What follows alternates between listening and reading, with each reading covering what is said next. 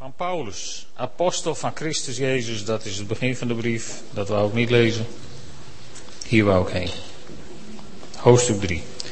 Maar broeders en zusters, ik kon u tot u spreken als tot geestelijke mensen.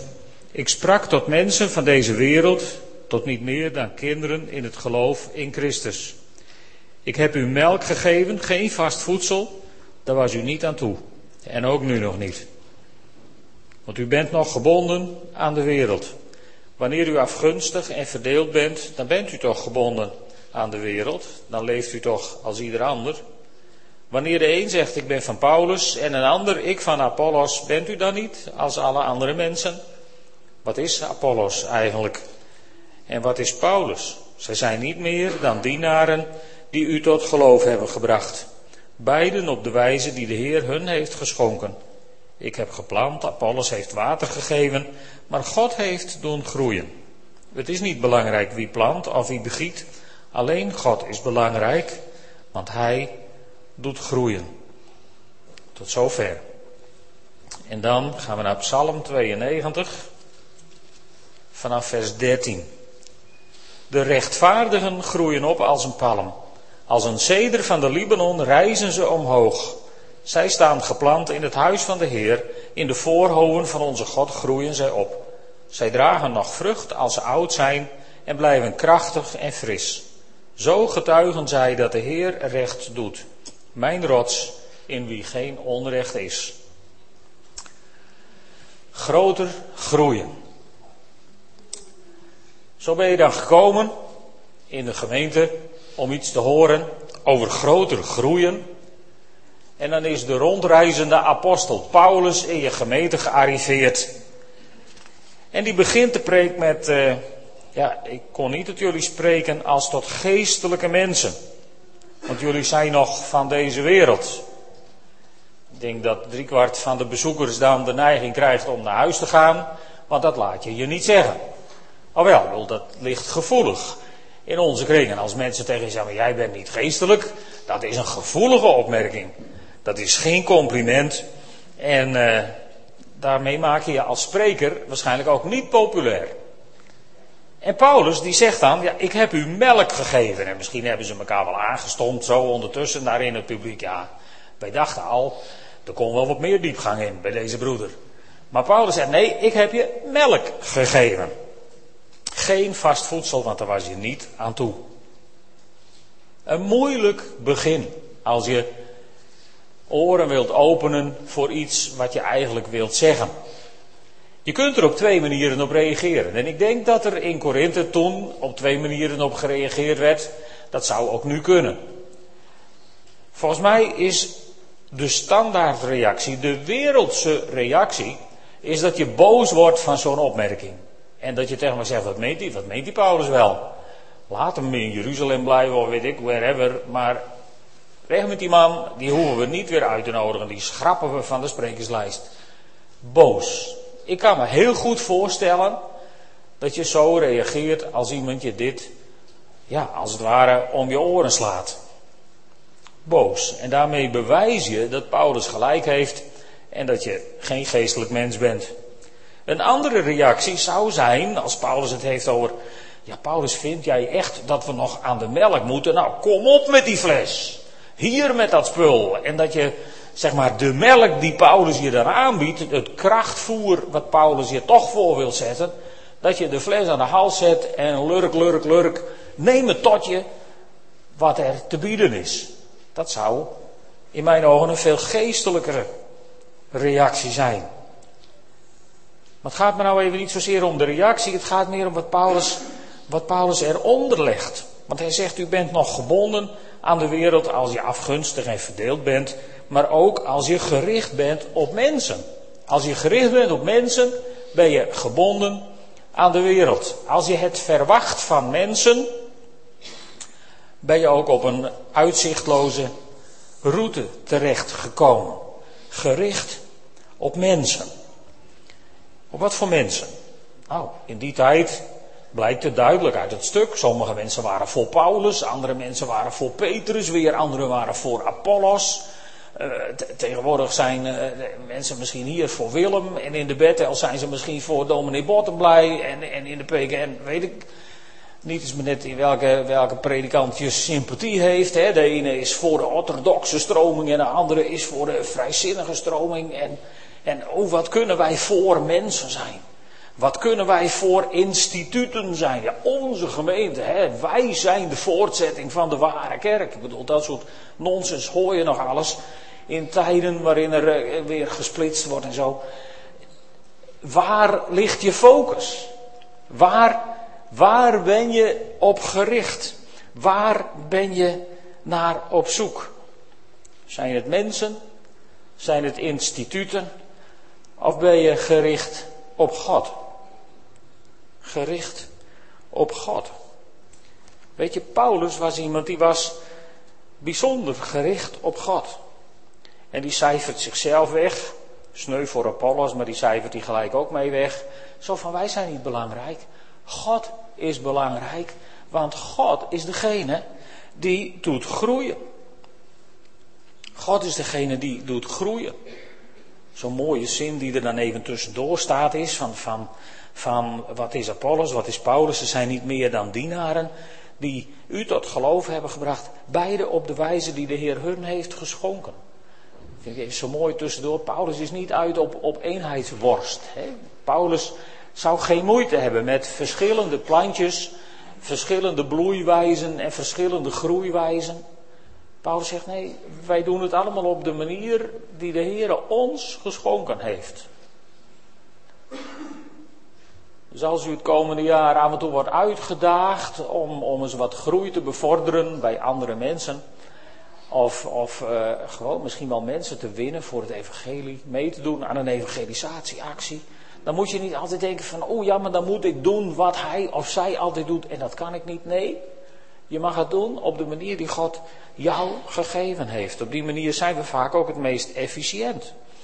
En hier zegt Paulus dan, ik heb geplant, Apollos heeft water gegeven, maar God heeft doen groeien. En in het volgende vers maakt hij het nog explicieter. Hij zegt, alleen God is belangrijk. Want God doet groeien. Prachtige versen. Dus als je nou, zeg maar even, als plant in zo'n potje staat en je hebt alles mee en je hebt uh, genoeg water gehad met veel liefde en een goede toespraak, dan, dan ja, dan moeten de wortels worden uitgeslagen. Als je zaadjes in de tuin zet of, of, of dingetjes in de tuin duwt, dan in regel worden er ook eerst worteltjes gevormd voordat er überhaupt iets boven de grond begint te komen. Groei begint onzichtbaar. En waar gaan die wortels naartoe? Als we dit seizoen bezig gaan met groter groeien, niet zozeer in aantallen, want dat is het doel helemaal niet, maar in, in geestelijke volwassenheid. Waar denk je dan je voedsel te halen? Wat was nou uw reactie toen u de Sifra las, groter groeien? Of vanmorgen eh, toen Wilma het vertelde. En waar denk je dan aan? Denk je dan van nou, ik ben benieuwd wat voor onderwijs ze ons komen geven? Of denk je van nou, ik ben benieuwd wat voor preken ze ons komen geven? Of denk je van, oh, ik ben benieuwd wat voor nieuwe liederen ze ons komen leren? Of wat denk je aan? Wat, wat, is nou het, wat was nou het eerste wat in je opwelde? Dat is vaak erg onthutsend en, en verduidelijkend. Want waar gaat het je om?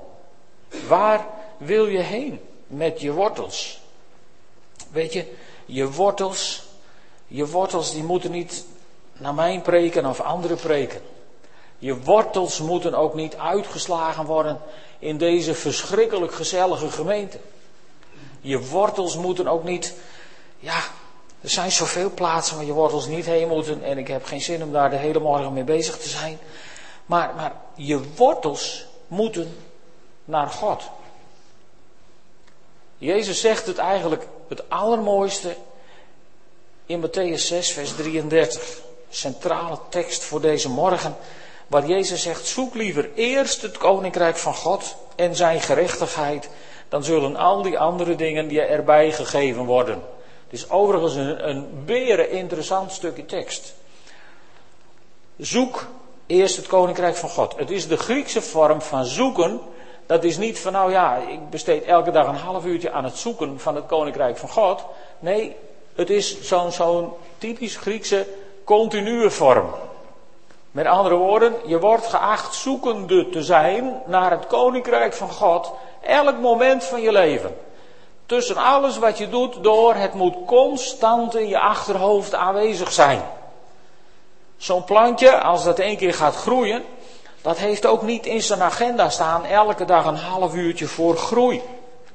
Zo'n plantje groeit continu. Dat is een permanent proces. En zo moet het zoeken naar het koninkrijk van God ook een permanent proces zijn. En ook de baby die we eind van deze maand gaan onthullen. Die baby die heeft geen agenda van nou, ik groei morgens van 9 uur tot half 10 en dan vul ik een luier van half 10 tot 10 en dan, zo'n baby heeft helemaal niet zo'n schema. Een baby groeit gewoon. Dat is een natuurproces. En zo moet geestelijk groeien ook een natuurproces zijn. En het zoeken naar het koninkrijk van God moet daarin een eeuwigdurende bezigheid zijn in je, in je denken. Tijdens het bijbelezen, maar ook tijdens het afwassen, ook tijdens het, gewoon tijdens je werk, tijdens het autorijden. Altijd. Zelfs tijdens het slapen. Zou dat heel goed zijn. En weet je, daar kun je heel veel aan doen. Wat zijn je laatste gedachten? Als je s'avonds gaat slapen. Ik bedoel, als we, als, we, als we de tegenstander van God zijn zin geven, zijn meestal de laatste gedachten als we gaan slapen. Oh, hoe komt het morgen? En daar gaat je nachtrust. Ja, die van mij niet, maar sommige mensen hebben dat. Als je laatste gedachte s'avonds is van Heer, ik vertrouw me aan u toe. En ik verwacht morgen weer een nieuwe dag van u.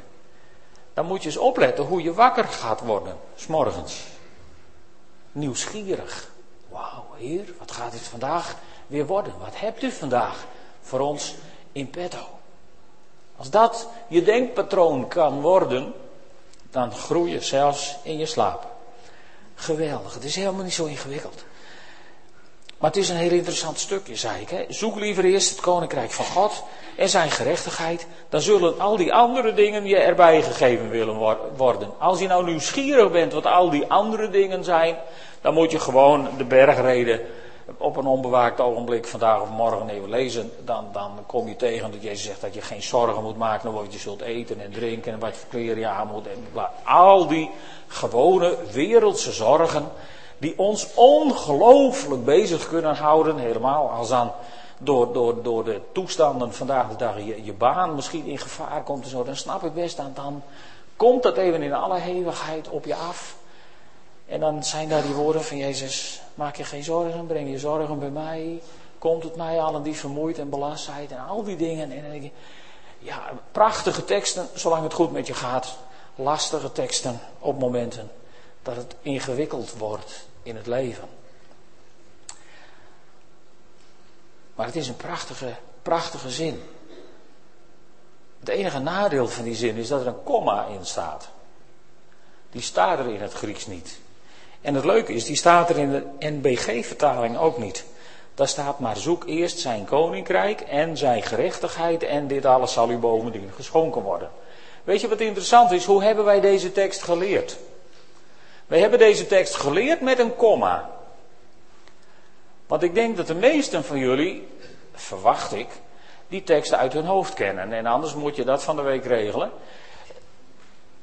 Wij hebben die tekst geleerd dat er staat: zoek eerst het koninkrijk van God en zijn gerechtigheid. Komma. En al die andere dingen zullen je bovendien geschonken worden. Dat impliceert dat je Gods koninkrijk zoekt en vindt, want zoekt en gij zult vinden, zegt Jezus in diezelfde omgeving.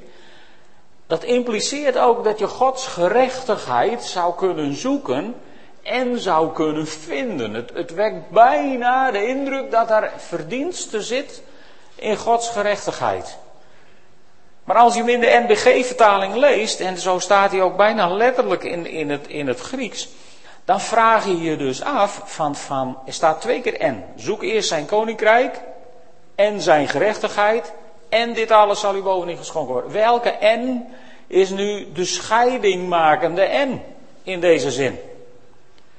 Want als je hem nou eens heel ondeugend net even anders leest dan wij hem altijd in ons hoofd geprent hebben, dan staat er: zoek eerst het koninkrijk van God, komma, en zijn gerechtigheid plus al die andere dingen zullen je gegeven worden. Wordt het ineens een hele andere zin. En wordt het een zin die heel mooi aansluit ook bij, bij Psalm 92. Want eigenlijk geeft het nu een volgorde aan die als wij groter willen groeien, ons, ons devies zou moeten worden voor, voor het komende seizoen. Drie stappen. Zoek zijn koninkrijk. Ontvang zijn gerechtigheid. En al die andere dingen die krijg je er ja, op toe. Misschien niet allemaal altijd naar jouw wensen.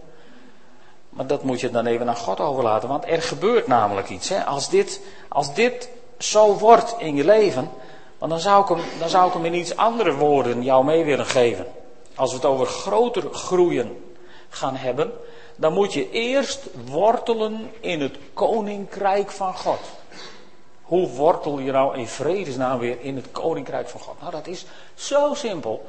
Als je wilt wortelen in het koninkrijk van God, dan moet je lezen in het boek van God. En je moet praten met de God van het boek. Moeilijker is het niet. Nou, simpeler recept heb je nog nooit in je leven gehad. Toch zijn er heel veel mensen die doen er moeilijk over en die, en, en, en, en, die weigeren bijna om, om het te doen. Wil je wortel schieten in het koninkrijk van God, dan is, dan is namelijk wat Paulus heeft gezegd heel belangrijk. Ik ben niet belangrijk, Apollos is niet belangrijk, Willem is niet belangrijk, Open Thuis is niet belangrijk, dat prachtige bord, al hoe mooi het ook is geschilderd, is niet belangrijk. God is belangrijk, want Hij is degene die ons laat groeien.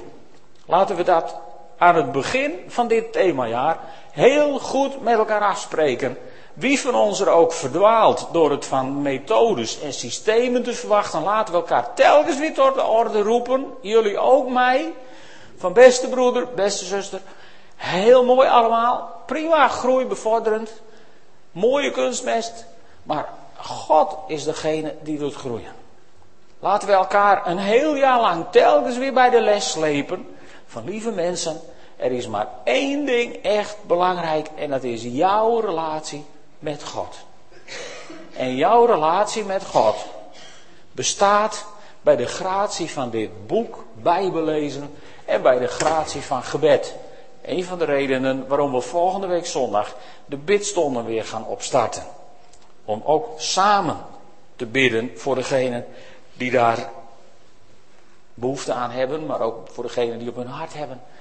Dat dat Gods ding wel eens zou kunnen zijn. Samen gaan bidden. Dus eerst wortelen in het koninkrijk van God.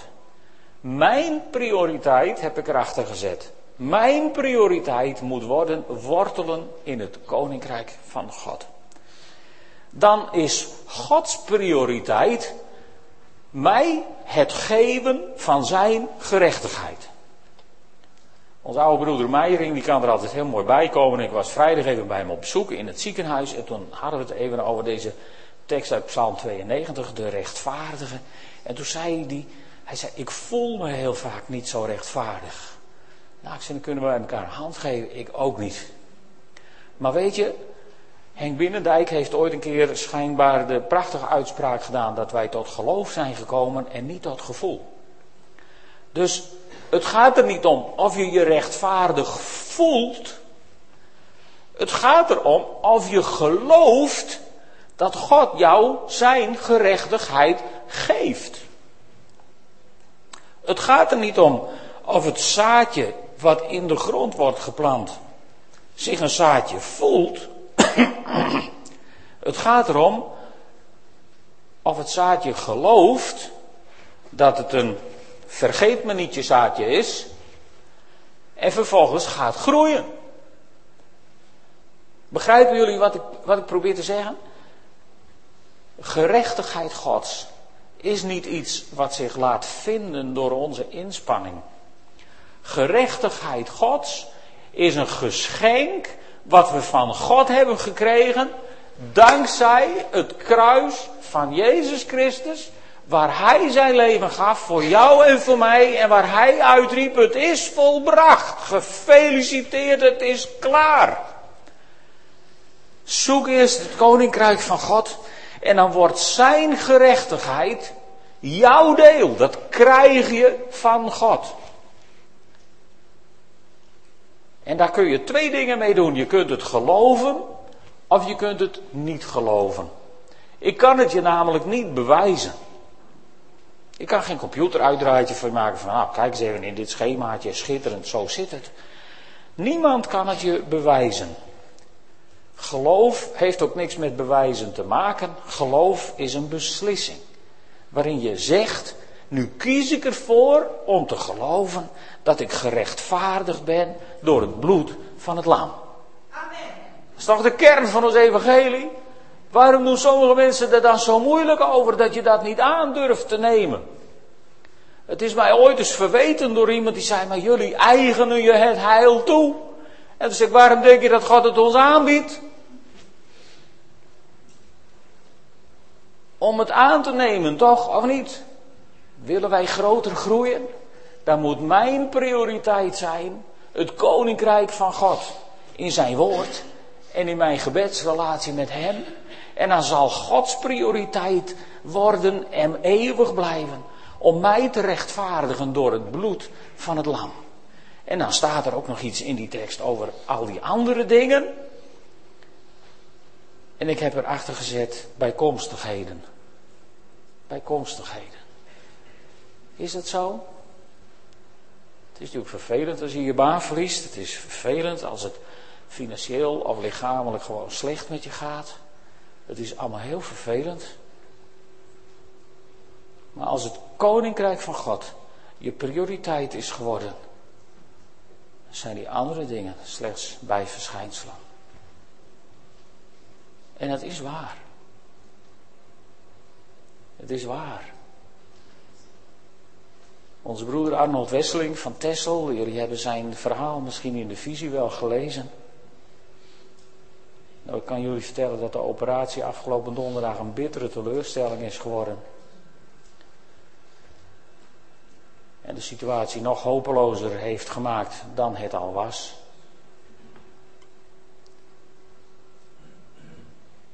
En dan krijg je dat op de mail met een tekst even namens Arnold uit het verhaal van de drie mannen bij de vurige oven in Daniel. Waar die mannen zeiden, ik geloof dat God mij kan uitredden als hij dat wil en als hij het niet doet. Nochtans zullen we onze knieën niet buigen voor uw goden. Is dan het koninkrijk van God je prioriteit? Of is het niet je prioriteit? Dan is het koninkrijk van God prioriteit geworden. En weet je, daar, daar zien we nu iemand gewoon even van heel dichtbij, omdat ze zich heel kwetsbaar hebben opgesteld, ook in de visie, gewoon laten kijken in hun leven. Dan zie je mensen waar het er echt op aankomt. En, en ik heb het Arnold min of meer horen zeggen, dat het feit of je nou wel of niet beter wordt, dat dat niet eens het belangrijkste is. Het koninkrijk van God is deze man zijn enige absolute prioriteit. En daarin is hij een voorbeeld voor ons. Een voorbeeld. En als wij groter willen groeien, dit seizoen, gewoon geestelijk groter willen groeien, hè, het gaat ons niet om aantallen, echt waar niet. Maar als wij groter willen groeien, tot geestelijke volwassenheid willen komen,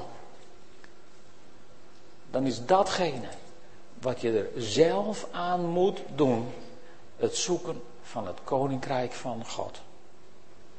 Andere boodschap heb ik niet, andere recepten heb ik ook niet, astronautenvoer of andere uh, afsnijdingen van de bocht heb ik ook niet voor je.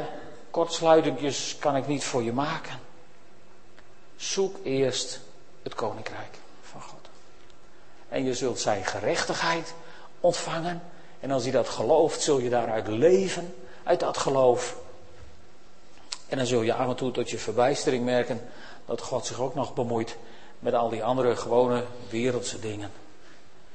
En dan zul je merken dat dat fijn is, dat God voor je zorgt, maar niet meer de kern waar het om draait. Want dan is het koninkrijk van God, is jouw prioriteit geworden.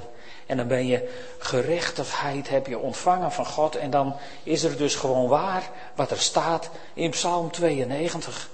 Dan is het waar de rechtvaardige, degene die gerechtigheid van God heeft ontvangen. Wat doet hij? Die groeit op als een palmboom. En een palmboom is niet zoiets wat daar tussen het onkruid door over de aarde kruipt om er ergens te komen. Een palmboom die staat daar vier en rechtop en zichtbaar voor iedereen. Je hoeft, een palmboom hoef je nooit te zoeken. Van waar zou die toch staan, die palmboom? Als je aan het grasmaaien bent, hoef je nooit te denken van ik moet voorzichtig zijn. Ik was een keer aan het grasmaaien op de tuin en ik had op een endcursus een prachtige, een exotische peer had ik geënt, helemaal zelf. En en die deed het ook nog helemaal trots, apetrots. En ik ben druk aan het grasmaaien met mijn boesmaaier. En in ene denk ik, oh, ik moet even een stokje bij die peer zetten. Maar die lag een meter achter me. Met de grond gelijk. Afgemaaid. Toen heb ik hem in een vaasje gezet in de hoop dat hij het nog, zeg maar, dat is allemaal niet gelukt. Daar gaat het vandaag niet om. Maar ik wil, een palmboom hoef je nooit te denken onder het maaien van, oh, ik moet even kijken waar die palmboom staat. Die zie je wel, die valt op een palmboom. En dan gaat het nog verder. En dan staat er, ze groeien op als een palmboom. Maar we doen ze nog meer? Als een ceder van de Libanon. Een ceder, dat was in die tijd de boom van je leven.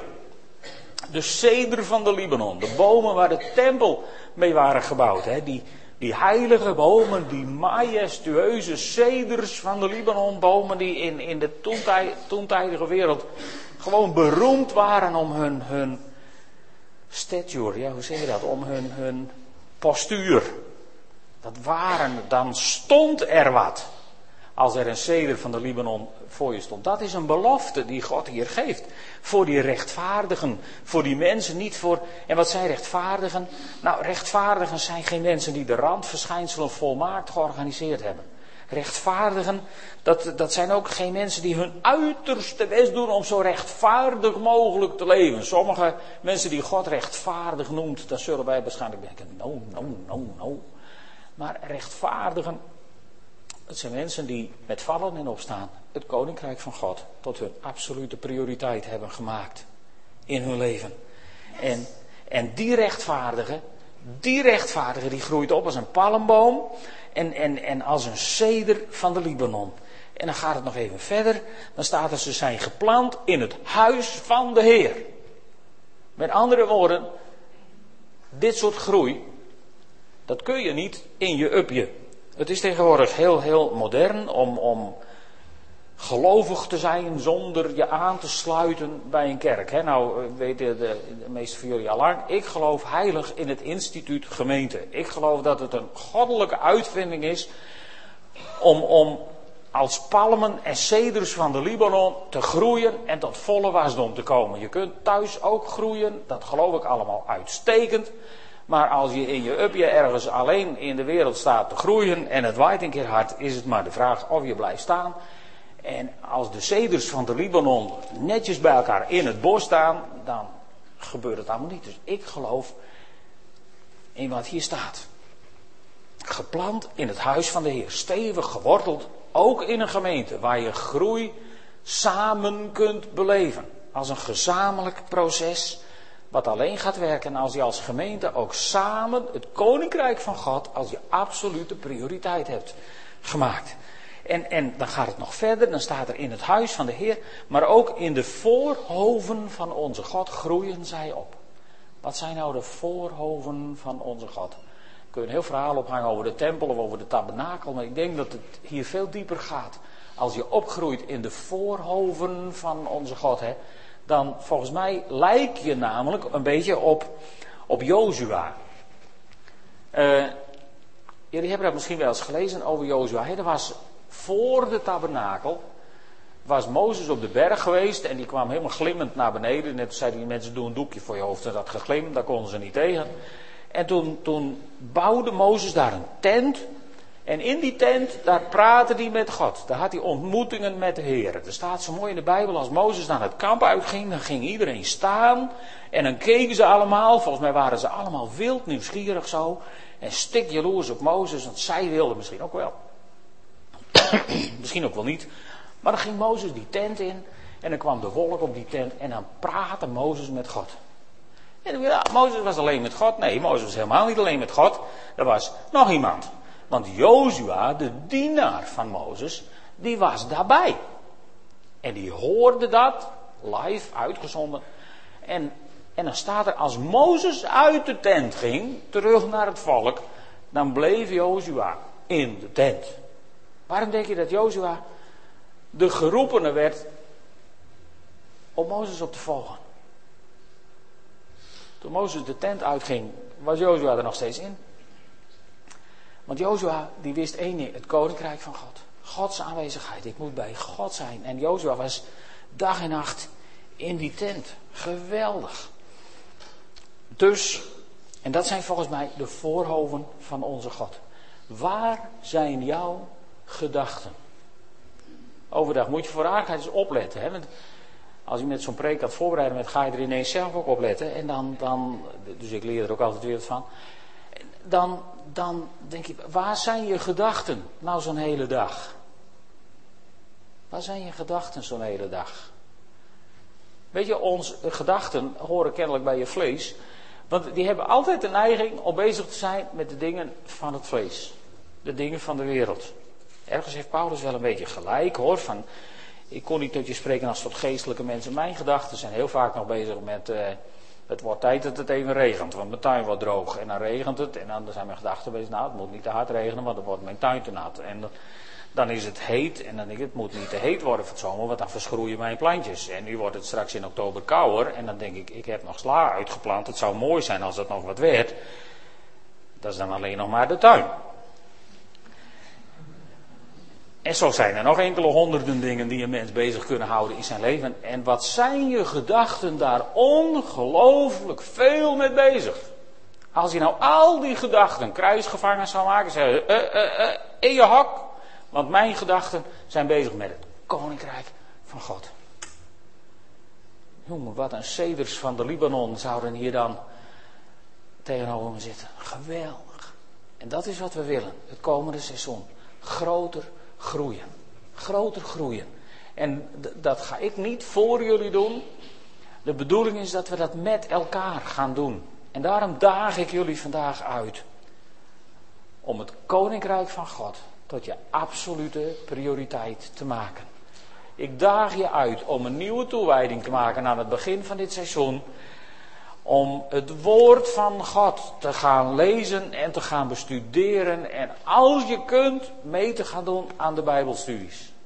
En ik daag je uit om je gebedsrelatie met God goed op orde te brengen. In je privéleven, ik hoop op de bidstonden, in de kringen, wherever. Maak van het koninkrijk van God jouw prioriteit. En je gaat je verbijsteren over de groeispurten die je dit komende jaar gaat maken. Want je kunt in de geestelijke wereld binnen een jaar van de kleinste baby opgroeien tot een volwassene in het geloof. Het kan. Het kan. Geloof je dat het groeien gaat? Geloof je dat, we hebben het elkaar toegezongen, geloof je dat het groeien gaat? Een mosterdzaadje wat een boom wordt waar de vogels in nestelen, dat doet het mosterdzaadje geen twintig jaar over dat doet dat mosterdzaadje een paar maanden over. Maar dan is de zomer voorbij en dan gaat dat mosterdplantje weer dood. En dan moet volgend jaar weer een nieuw mosterdzaadje, weer zo'n struik worden. Nou, wij zijn hier maar even. En we hebben geen tijd om 75 jaar te groeien. Dat moet vlugger. Zodat we als volwassenen in het geloof er kunnen zijn. Zodat het van ons waar kan zijn dat we krachtig zijn en fris en nog vrucht dragen Zelfs als we niet de allerjongsten meer zijn. Het kan. Het kan. Geloof je het? Dat is de vraag. Geloof je dat het groeien gaat? Geloof je dat het groeien gaat? Sommige mensen zitten me nou zo aan te kijken van nou dat weet ik eigenlijk nog niet. Dan beginnen we opnieuw. We gaan lezen 1 Korinthe. Nee. grapje. Geloof je dat het groeien gaat? Weet je, je hoeft het alleen maar te geloven. Dan God zeggen, Heer, ik geloof dat u mij kunt laten groeien. Hier ben ik. Geef mij maar water. Want ik wil mijn prioriteit richten op u.